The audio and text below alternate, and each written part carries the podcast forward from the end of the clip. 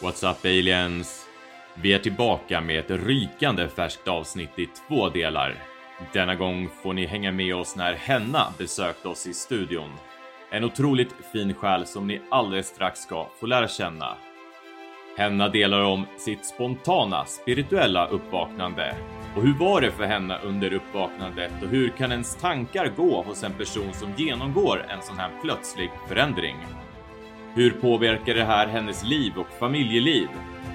Och det är inte ovanligt att utveckla förmågor att se med tredje ögat. Men hur är det för en person som kan se med supernaturlig syn? Ni får tips på hur man kan träna fram vissa förmågor och ni får hänga med oss med henne från start och följa med i hennes berättelse om hur livet såg ut från hennes uppvaknande fram till idag. Jag heter Kim och ni lyssnar på C5 Sweden Podcast. Välkomna tillbaka allihopa. Eh, Jag heter Kim och med mig har jag Alicia. Vi är ju C5 Sweden Podcast och med oss idag har vi Henna. Välkommen hit! Hej, tack så mycket. Hur är läget? Eh, läget är under kontroll. Det är bra. Under kontroll. Härligt, härligt. Hur mår du Alicia? Jag mår toppen. Hur mår du Kim? Härligt. Jo, men jag mår bra. Eh, har precis blivit någorlunda frisk. Eh, och eh, nej, men jag är glad. Det, det är kul att vara tillbaka i, i studion lite. Eh, och idag kör vi faktiskt på, på länk ett nytt program som vi eh, utforskar här som eh, verkar ha ganska goda potential att ge oss det vi behöver, Mm. produktionerna. Yes. Så ja, Henna, välkommen. Vill du berätta, vem är du? Eh, ja, var ska vi börja? Det var ju det här. eh, Henna heter jag.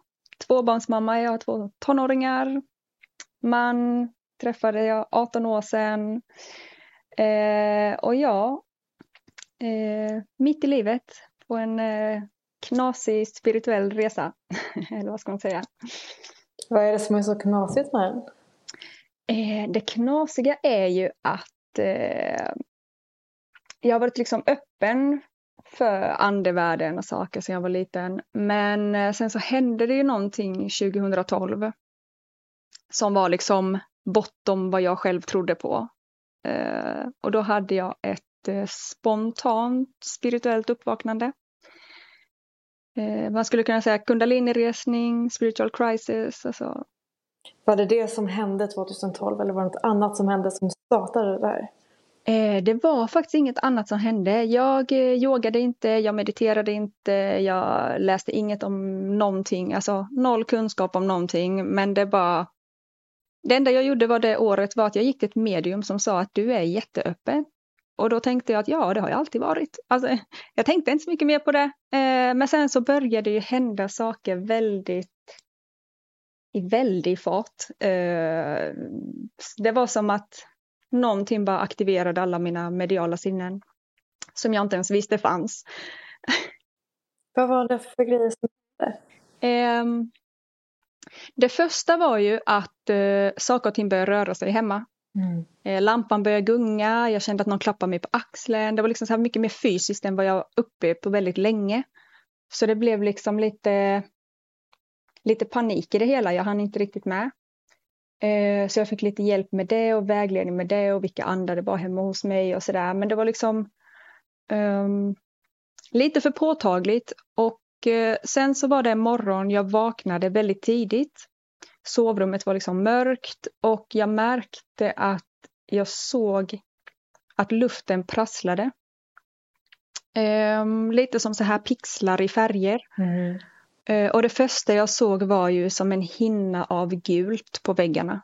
Mm. som jag aldrig upplevt innan. Och det var där någonstans jag bara shit vad är det som händer?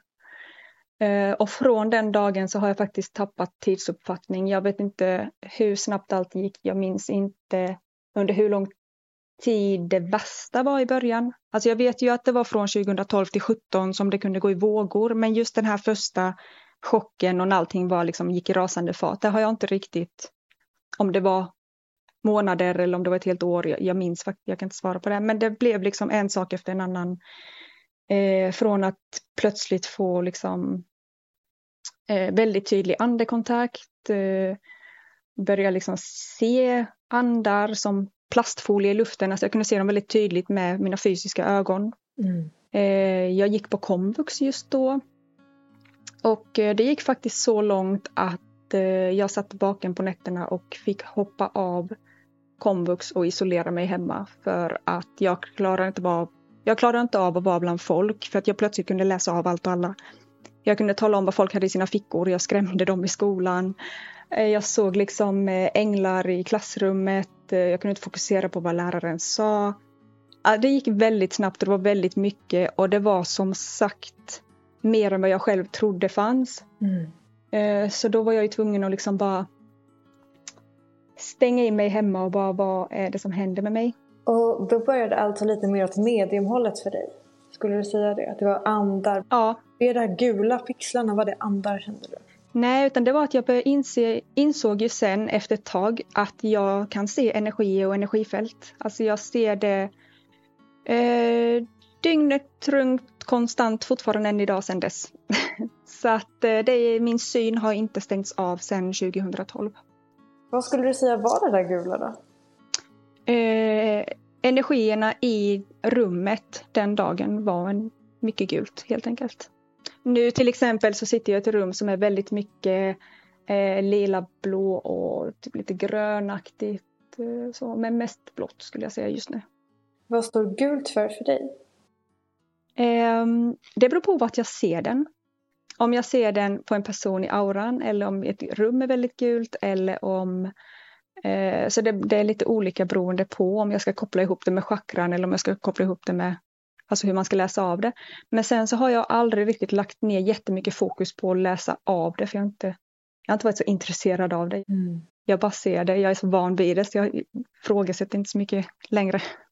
Och det är väldigt intressant att vi alla går här på samma, i samma verklighet och ändå lever vi allihopa i våra helt egna verkligheter. Ja. Det är liksom även normala människor som inte ser färger. Vi alla tycker, vi alla har en version av Kim i våra huvuden.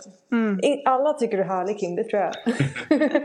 Men sen detaljerna på det är ju unika och det är väldigt, väldigt coolt att höra att du upplever en så färgstark verklighet. Mm. Kan man kalla det det? Man kan väl säga så här att ju mörkare rummet är desto färgstarkare är det. Blundar jag så bakom ögonlocken så ser jag samma sak så jag får liksom Gud vad underbart.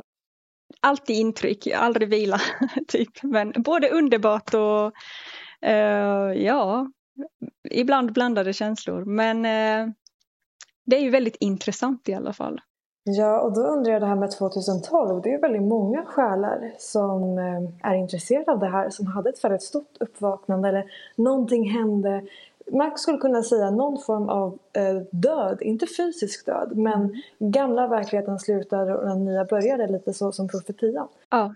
Jag hade också det 2012 så det är, det är jätteint... Eller jag hade lite innan förvisso men det är sjukt coolt. Att mm. det var så många där i 2012-krokarna som fick så stora skiften i livet? Jag, jag, tror, jag tror att det är en missuppfattning av det maya-indianerna hade förutspått. Mm. Eh, man trodde jorden skulle gå under. Men det här var ju någon typ av förberedelse inför kommande awakenings. Mm. Att man var tvungen att, eh, att vi som låg lite före skulle finnas här och stötta dem som vaknade efter. Mm. För sen har det ju kommit nya år eh, alltså vissa år där det har kommit en ny våg. Mm. Och man har ju fått stötta många. Och det vet, känner du igen då om du, du har varit på samma lika lång resa. Liksom, att man känner det här att nu när man tittar tillbaka så ser man att shit det här behövdes. Då alla vi som hade det uppvaknandet. På ett sätt så var det ju en död. För att den henna som fanns innan 2012 finns ju inte längre. Eller jag kan liksom nästan ta lite avstånd från när jag pratar om min barndom, pratar om mitt tonår. Så kan jag nästan bli så här att det känns inte som jag. Mm. Det känns som en parallell jag på något vis. Alltså, mm. det, är inte, det är en vilsen henne. Hon är inte, det är inte samma, det är inte det jag är idag. Skulle en människa som kände mig innan 2012 umgås med mig en dag idag mm. så skulle de nog inte känna igen mig riktigt på samma sätt. Vad är den största skillnaden? Eh, jag tror den största skillnaden märkte jag faktiskt häromdagen. Eh, det var en tjejkompis till min syster som hörde av sig och vi pratade lite i telefon och sådär. Eh, och vi hängde ihop lite grann och träffades några gånger när jag var kanske runt, jag var kan ha varit 16, 17, 18 någonstans där. Eh, och jag märkte liksom att jag har inte samma humor, jag har inte samma... Eh, alltså jag kände att så som hon beskriver mig och kommer ihåg mig så blir jag sån här, det är så långt ifrån vem jag är. Alltså jag har inte alls samma, jag har ett helt annat lugn. Hon tyckte att jag var jättelugn och konstig. Hon tyckte alltså så här var inte du förr. Du kunde gå upp i taket och vara jättehögljudd. Jag typ, jag, det går inte jämfört. Jag dricker ingen alkohol, jag röker inte, jag um, känner inte att det är någonting som ger mig något. Alltså det är så här många förändringar som kommer med det här, alltså hälsa, kost, uh, ett helt annat perspektiv på livet och helt annat tankesätt. Jag har inte liksom en del av mig finns ju såklart kvar, typ så musiksmak eller humor. Alltså, lite så såklart, det är inte så att man är helt förändrad, men en del av mig lämnade jag liksom bakom det. Och hamnade på en ny resa som handlade mer om personlig utveckling, andlig utveckling. Vem är jag? Vad är jag med om? Vad är det som händer? Så det blev mycket fokus på nya saker och viktigare saker så att det gamla liksom hamnade efter så. Vad är det du gillar med de olika versionerna? Hur menar du då? Känner, är du nöjd med att det har gått åt, att det blev det här skiftet och inte ett skifte åt andra hållet? Oh ja. Varför? Det är jag. Um, jag har ju fått liksom en, positiv, alltså en positivare bild av mycket. Mm. Eh, det har gett mig väldigt mycket. Inte i början. I början var jag mer så här, jag har varit med om en förbannelse, vad är det som händer? Jag har hallucinationer, jag har säkert en tumör i hjärnan som ingen har upptäckt. Alltså botad från vårdcentral och du vet, du, du är frisk, det är inget fel på dig. Alltså verkligen så här mycket. I början var det mycket så här typ att det här är ju mer än vad som kan vara normalt. Alltså vart ska man dra gränsen? När ska jag söka vård? Uh, och så. Men sen någonstans så blev det det här med att när man kunde börja hjälpa människor mm så gav det mig väldigt mycket och jag insåg att det är det jag älskar att göra och det ger mig väldigt mycket att kunna ge. Jag har alltid varit en människa som hellre ger än och får. Presenter, whatever, vad som helst. Men där blev det på en helt ny nivå, alltså när det kom till andekontakt, healing, eh, när man ser att resultatet av det verkligen berör människor på djupet. Mm. Eh, då känner jag att jag har hittat mitt syfte, någonting jag känner ger mig så mycket i livet. Liksom. Mm. Hur kändes det i början med det här stora skiftet? Alltså det var bara att det gick så fort. Mm. Och just det här med att kunna se med fysiska ögon, det blev så mycket missuppfattningar. För när man väl liksom började så här hitta att ja, det finns massa medium och det finns massa sådana här som ser saker och upplever saker. Så man började liksom få lite Eh, komma i kontakt med folk, eh, andra då. Och så var det så här, ja men jag ser också, jag bara wow, jag har hittat någon annan som ser det så här medium har det. Och de bara, ah, alltså jag ser mitt inre seende. Jag typ, va? Nej. Ja, alltså jag menar mina fysiska ögon. Alltså det var så svårt att hitta folk som verkligen upplever på den nivån som jag gjorde det på. Det var inte lätt. För att det hela tiden blev att jag försökte bara hitta någon som förstår mig. Jag ville hitta någon som upplever vad jag upplever så jag kunde bolla med någon. Typ när hände det för dig och hur hanterar du det? Och, men ingen förstod ju. Och det blev jättefrustrerande. Det blir ju liksom att man gråter sig till sömns på kvällarna och bara varför måste jag se saker med mina fysiska ögon? Alltså det ger ju ingenting, det finns ingen mening med det. Jag kan liksom inte bevisa det för någon. Jag kan liksom, vad, vad, gör, vad är meningen med det? Det var den frustrationen liksom. Hur känner du till det idag? Känner du att det finns någon mening till det här? Um, ja, alltså jag förlitar mig väldigt mycket på min syn idag. Mm. Där och då förstod jag ju inte ens allt jag såg. Och det gör jag kanske inte allt idag heller. Det är klart att man fortfarande ser saker som jag inte riktigt kan vet vad det är, men jag hanterar det väldigt bra. Jag är van. Mm. Uh, idag så minns, alltså jag har ett svagt minne av hur det ser ut, så jag kan förstå folk som inte ser. För att jag har varit på båda sidor. Men, uh, men som sagt, ja, min syn är ju den starkaste av de andliga, alltså mediala sinnena som jag förlitar mig väldigt mycket på. Mm. Uh, så det hjälper mig väldigt mycket. Sen visst, jag ser fortfarande saker som jag typ vet inte vad jag ska göra med det, men jag märker ju Typ om vi ser en, ett medium känner ett energiskifte i rummet och känner när en ande kliver in. Då ser jag energin förändras i rummet och jag ser anden kliva in. Så det är liksom, man bekräftar varandra även om man jobbar på olika sätt.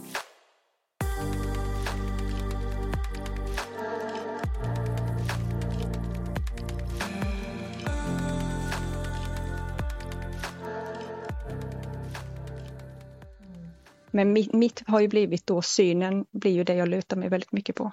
Mm. Och då är det den fysiska synen och den inre synen också såklart och intuition, alltihopa ihop. Men just eh, vad jag ser med blotta ögat har ju blivit eh, väldigt, eh, det tar ju över mycket. Ja, för det är faktiskt andra gången vi spelar in det första avsnittet med dig. Vi hade lite tekniska besvär första gången och lite andra grejer som vi var okej, vi spelar om det här första mm. avsnittet. Uh, och då, du är ju med för att du är här i podden för att du har väldigt mycket spännande att dela med dig av. Och där i första mm. avsnittet mm. vi spelade in första gången så berättade du om en händelse. Diskussionen, vad är inre seendet, vad är yttre seendet? Så vill du berätta om den händelsen Hanna? Um, ja, jag antar att du pratar om det här utomjordiska. Um, eller? Ja, det tror jag. Eller ljusvarelserna var vad vi kom fram till kanske mer att kalla det. Uh, ja. Gestalter. Uh, gestalter, ja. Yes. Uh, då var det så här att det hade gått några år då. Um, jag hade fortfarande ingen så här relation till någonting utomjordiskt på den tiden. Det var liksom inget jag tänkt på eller läst om, ingenting så. Men en eftermiddag kväll eh, så var det ju så att jag och min man och barnen hade varit och handlat. Eh, parkerar och då ska vi liksom gena från bilen över en gräsplätt till lägenheten, till trappuppgången. Och när jag går där så ser jag fyra stycken mörkblå, typ kontur, lysande konturer av väldigt långa eh, gestalter. Mm. Eh, de hade liksom långa armar, långa ben, de var kanske två och en halv, tre meter, ja, kanske inte tre meter, två och en halv meter höga eller något sånt där. Och eh, ja, det var väl själva den här konturen syntes så tydligt så jag skulle nog våga säga att det här, eller ja, jo, idag så förstår jag ju att det här är utomjordingar, men där och då tolkade jag nog det också så, men jag var ganska chockad. Vad är det som får dig att dra slutsatsen att det var utomjordingar? Eh, idag så jobbar jag mycket med eh, utomjordiska eh, raser när det kommer till healing och transfiguration och sådana saker. Så att jag har ju förstått i efterhand och de har visat sig på andra sätt till mig som är mindre skrämmande sen. Och mm. alltså, att jag har fått en annan typ av kontakt med dem som inte där de inte skrämmer mig och chockar mig på det viset som de gjorde där och då. Men jag kan också idag förstå att jag behövde den chocken för att lita på eh, min intuition och mina, vad jag telepatiskt och inre bilder jag får till mig. För att hade jag där och då bara fått det på det viset, alltså i mitt inre, mm. så hade jag nog bara sållat bort det som att det här är för galet, det här är min fantasi. Mm. Så att jag behövde det här in your face eh, för att liksom någonstans fatta att det där kan inte jag prata bort. Ja, för det var ju det som var så spännande. Vi ställde lite frågor där första gången vi spelade in det. Var det mm. någon annan som såg de här varelserna samtidigt? Eh, det var ingen annan där. Alltså min man höll på att lyfta ur barn eh, ur bilen. Mm. Och jag fick panik för att en av de här fyra började typ löpa mot mig. Mm. Och jag visste ju där och då inte om, vet de att jag ser dem? Springer den mot mig eller springer den åt mitt håll för att den ska förbi mig? Jag vet ju inte. Så jag får ju panik och bara halvspringer in lite diskret sådär för att jag visste inte hur ska jag säga det här till min man. Alltså, han tycker ju redan att de senaste åren har varit väldigt så här svårt att hantera, alltså svårt att greppa på när han inte förstår hur jag, vad som har hänt mig, alltså vad, allt jag upplever. Han har ju fått massa bekräftelse, han har ju sett mig ta andekontakt, massa nära saker, men liksom och haft lite upplevelser själv. Men det här kändes som att det här, det här är för mycket. Han hade nog tappat det om jag hade sagt till honom vad jag såg. Så jag bara skyndade mig in och bara visste inte hur jag skulle hantera det. Jag vågade typ inte säga det till någon. Jag tänkte ju för det första att ingen skulle ju tro mig. Att... Nej. Hur kändes det? Eh, då var jag lite tillbaka till just det här med när jag sa att det gick i vågor de första åren och då var det en ny våg av att precis när man lär sig hantera saker så kommer det någonting sånt här och bara vad gör jag nu? Vem ska jag prata med nu? Finns det någon som förstår mig? Alltså, jag hade ingen aning om hur stort det här var med Facebookgrupper och folk som liksom kanaliserar utomjordingar. Jag hade ju ingen koll. Så jag kände mig som den ensammaste i världen. Jag tänkte ingen annan har nog sett någonting sånt här. Hur ska jag förklara det här för någon? Det går ju inte. Så att, eh, ja. Jag tänker på eh, våra lyssnare också eh, har ju också delat med sig och, om att eh, man har respektive som inte upplever samma sak som en själv och relation i, i, i eh, de, den här andliga uppvaknanden och så. Och, eh, hur har det varit mellan dig och din respektive? Eh, hur var det då och, och hur är det nu? För det tror jag att väldigt många kan relatera till som lyssnar på våran eh, podd. Eh, ja. om, du, om det känns okej okay att berätta. Alltså jag berättade det mesta för honom för han, alltså nästan allt hela tiden. Eftersom han var den enda som levde med mig och verkligen visste allting. Så att eh, Eh, alltså han kunde sitta vaken med mig tre på natten och jag sitter och gungar och gråter och bara jag kan inte hantera det här. Det här kommer inte gå. Det, det går inte. Hur, hur ska jag någonsin vänja mig? Det försvinner inte. Kommer det försvinna eller ska jag bara vänja mig? Ska jag acceptera det här? Alltså så här, det var ju mycket så. Och han sitter jämte och bara alltså älskling, jag vet faktiskt inte hur jag ska hjälpa dig. Jag ska jobba om tre timmar. Typ, vad, vad är det du ser då? Jag typ, ah, det står gestalter där och det är färg. Alltså du vet så här orber och ljusklot och och han typ, ha okej, okay. alltså, han, vad ska han göra liksom? Men i liksom många år senare, om man säger, jag tror det var typ två, tre år sedan, så bara eh, var jag med i en annan podd eh, där jag fick frågan och efter podden så bara satte jag mig jämte honom och jag bara, du, tänkte du någonsin tanken att lämna mig då? För att hade det varit tvärtom så hade jag nog typ bara shit alltså grabben har tappat det helt, jag drar nu. nej, men, alltså, men, men han bara nej, faktiskt inte. Vilket är för mig, det förvånar mig, alltså för jag tänker så här, någonstans måste han ju ha tänkt att shit alltså det här funkar inte. Men han gjorde inte det och det känns jättetryggt och jätteskönt att han aldrig tänkte så. Eh, men det var nog mycket för honom att hantera för vi hade ju småbarn då. De är ju tonåringar nu. Så det var så här, jag kan ju inte vända mig till psyket, de kommer ju låsa in mig. Alltså sätta någon diagnos. Eller någonting, alltså jag var ju livrädd för det. Jag tänkte jag har inte tid med det här. Jag har inte tid med det, jag har småbarn att ta hand om. Eh, så det var väldigt mycket så här bara verkligen bita ihop och hantera det. Mm. Och bara liksom hitta rätt ord för vad jag upplever så att jag kan lära mig mer om det och med tiden så lär man ju sig. Mm. Så att jag också kunde dela med mig till honom om vad jag läst till mig att shit alltså jag är inte ensam om det här och det finns något som heter auror, det finns något som heter energier och det finns något som heter orber och det finns alltså allting så här hela tiden så att han också uh, var med på hela resan helt mm. enkelt. Så att, mm. ja, men vad, vad fint ändå att uh Mm. Han var med i Men han lyssnar ju inte på poddar. Vi säger så här, detta kommer inte han lyssna på. Nej, nej. Inte, men, han är inte intresserad. Men, men, det är väldigt fint att höra att, eh, att ni hade den relationen som ni hade. Han hjälpte väl dig på andra sätt. Kan man, alltså, mm. i det du berättar och det, det blir jag glad över att höra. Liksom. Eh. Han är den som gjorde mig. Jag hade mm. aldrig, inte ens idag, klarat av att leva med någon som är så öppen som jag. För att det hade nog spårat ur. Jag behöver någon som jordar mig, jag behöver göra fysiska saker, alltså verkligen vara... Yin och yang? ja, det blir så här att många har ju den här sökandet där de bara känner att de vill meditera och yoga alltid för att de vill uppnå någonting, de vill uppleva mer och jag hör hela tiden att de öns folk önskar att de såg som jag, de önskar.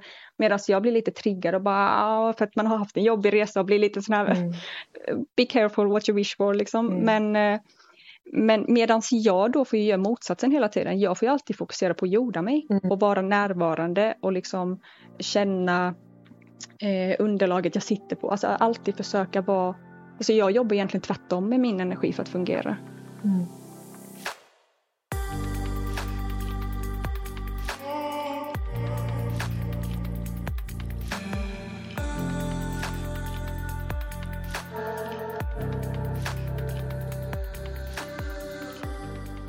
Jag tänker... Um, um, ja, men, vad är ditt bästa tips om, om, om någon säger till dig att jag, jag skulle vilja eh, eh, se fler saker och så. Hur tänker du kring det? Så kan jag dela min eh, uppfattning om det också. Mm.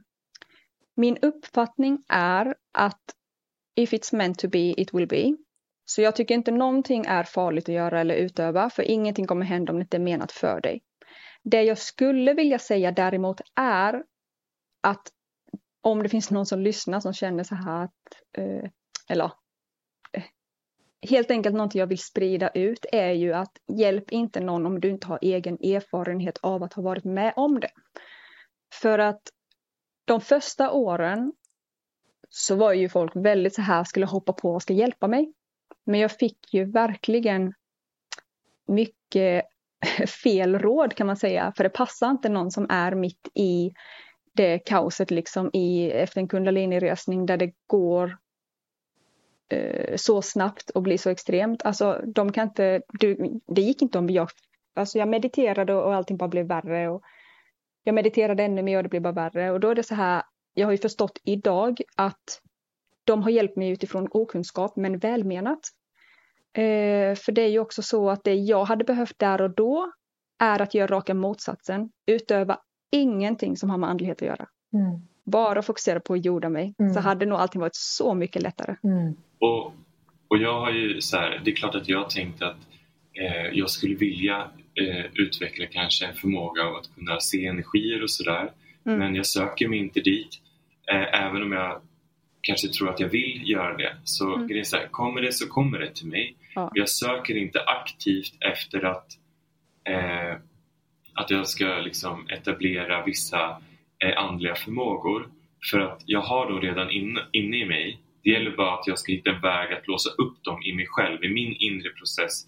Både mm. själsligt och eh, i hela det, den processen. Och då kommer de eh, förmågorna dyka upp mer och mer ju mer jag liksom går inåt eh, och jobbar med mig själv. Mm. Och sätter intention att liksom vilja utvecklas spirituellt för the greater good och liksom eh, de bitarna. Och sen mm. får det bli exakt vad det blir för det är menat. Jag står här idag eh, med Alicia och dig Henna och vi har den här podden tillsammans jag och Alicia och vi gör massa fina saker. Eh, och det är exakt det här vi behöver just nu. Mm. Så det är lite min take på det. Ja, eh, jag tänker också på det här med eh, hur viktigt det är att följa sin intuition. Eh, för att ju mer du är i kontakt med dig själv och litar på din intuition så kommer ju den leda dig till din, alltså dina, det som är menat för dig. Vi säger till exempel då att man kommer i kontakt med rätt människor där man får till sig någonting så här som lockar på ens intresse eller att man hittar någonting hur ska man säga det här, follow your excitement är väl det viktigaste. För den vägleder ju dig så att man inte jämför sig med andra. Vi säger det finns ju såklart knep för att se och då kanske man bara ser en liten stund. Eh, det finns något som heter gazing på engelska, vad heter det på? Att man kollar in i solen, eller? Ja, det finns eller? ju sun gazing är ju till exempel att eh, titta på solnedgång. Mm. Sen finns det gazing om du sitter i ett lite neddimmat rum och bara stirrar avslappnat med så här bara rensa tankarna så att du blir liksom väldigt nollad. Mm. Och bara stirra ut i rummet eh, så kan man börja uppleva, som många gör det har jag märkt, ja. så börjar man se energier till exempel. Och så gör man det tillräckligt ofta så tränar man ju också på det seendet. Så det finns lite knep med mirror gazing, sun gazing, room gazing. Om man känner sig lockad till och man känner så här att ah, shit, det här vill jag. Alltså så att man har någon typ av att man, man känner att det känns rätt eller sådär. Eh, alla är inte intresserade av det helt enkelt. Så. Nej men det de teknikerna gör ju är ju att allt inre seende har oftast med förhöjt DMT att göra. Som vi diskuterade ah, förra, ja. i föregående avsnitt. Och det är ju det mm. att eh, när man vilar blicken så då blir det mer press på vårt halvkortskörtel. Och då kan mm. mer DMT släppas ut. Och mm. det är någonting vissa har naturligt. Som du och jag Henna som ser väldigt mycket hela hela tiden. Eh, mm. och sen då kan man meditera, man kan, kundalini hjälper ju med det, det finns jättemycket. Men jag tror mm. också jättemycket så som ni pratar om att det kommer när det kommer. Däremot jag är nog lite mer faktiskt strikt för jag upplever inte att det är bra att kanalisera om man är rädd. Eh, så jag säger inte prova vad som helst. Nej, åh, ja ja. Jag hade eh, lite folk här i lördags, eh, så här lite mediala övningar och så. Mm. Och då pratade vi om just det här för att de frågade mig typ så här eh, när vi använde till exempel trollbordet. Mm. Och så frågade de så här, behöver man vara rädd? Alltså om du är rädd, då vill jag inte ha med dig. Nej. Jag skulle aldrig öppna en portal för jag är portalen och vi är portalerna. Bordet är en fysisk sak men utan oss är det bara ett bord. Mm. Så om vi tillsammans ska göra någonting, mm. ouija-board, trollbord, whatever, pendel, spelar ingen roll. Mm. Ett verktyg som är en förlängning av dig själv. aldrig med rädda människor. Jag, jag skulle, alltså har man den tron eller den liksom någon typ av rädsla eller att man Nej, där blir jag liksom så här, sånt är jag helt nonchalant mot. Man kan vara medveten om att det finns. Mm. Men vara nonchalant mot det. Så att rädsla ska man inte blanda in. Är man rädd för det, gör det inte. För då är det inte den intentionen du ska ha. Liksom. Mm. Men det var det jag tänkte på där innan för jag tyckte du sa att man ska prova allting och då vill jag bara lägga in en liten jag vill bara att ni ska vara försiktiga med just rädsla och det kan ju ha med trauma att göra att man har varit med om saker mm. i detta liv eller så som jag jobbar med tidigare liv. Men jag tänker, mm. du pratar mycket om det här med att saker och ting går i vågor. Mm. I den här resan som du har varit på. Vad skulle ja. du säga är det som har gjort att jag har fått vågen att gå uppåt igen? Vad är dina verktyg eller vad har hänt? Um, I början, det första var ju det här med att jag började se för mycket. Jag kunde inte hantera det. Jag kunde liksom inte följa med och hälsa på familj och grejer. För jag kunde liksom inte sitta och låtsas som att jag är normal. Alltså det distraherade mig alldeles för mycket. Mm. Och då var det så här att jag kom i kontakt, eller jag fick kontakt med min mammas farmor.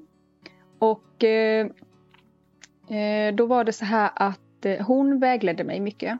Och hon nästan sa till mig vad jag ska googla och hur jag ska hitta rätt. Sådär. Och då hittade jag en healer som bor nära mig. Eh, bokade tid hos henne, åkte dit och tänkte, jag visste inte vad healing var. Mm. Eh, men efter healingen så bara lugnade allting ner sig. Alltså det blev så här att jag såg fortfarande men det blev hanterbart.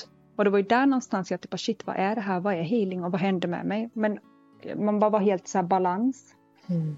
Eh, och där var ju liksom så steg ett till att jag började hantera och må bättre den första liksom, omgången om man säger.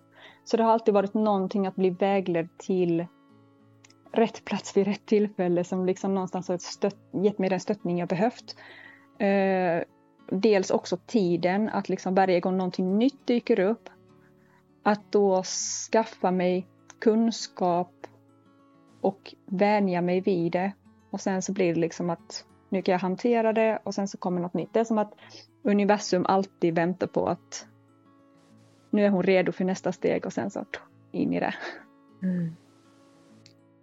Och vad skulle du säga tipset till de som lyssnar? Livet är en berg och dalbana. Vad skulle du säga ge för råd till de som är på sin resa som upplever sina vågor? Um, det finns mycket man skulle kunna säga. Mm. Men eh, jag tror någonting som är viktigt att ta med sig det är att fokusera på det som resonerar med en. Mm. Lita på sin intuition. Jämför dig inte med andra. Eh, för att alla har liksom sin egen resa och var liksom öppen för eh, det som kommer till en. Alltså mm. att alla som är på sin andliga resa hittar ju sina egna, liksom sin grej som man brinner för. Att man liksom inte fastnar att man måste vara som någon annan eller att man har någon typ av orealistiska mål eller så. Utan man hittar det man själv liksom brinner för och känner att eh, är liksom exciting. Vad heter det? Så att eh, lita på sin intuition och ta till dig av det som resonerar med dig. Eh, du bär din sanning. Ingen annan. Alltså, vad vet vi egentligen? Liksom? Så att alla pratar utifrån sin sanning och sin erfarenhet. Eh, men ingen bär ju hela sanningen. Det är viktigt att veta, tänker jag. Vad fint. Jättefint. Jättefint. Wow. Eh, vilket bra avslut på första avsnittet. Mm.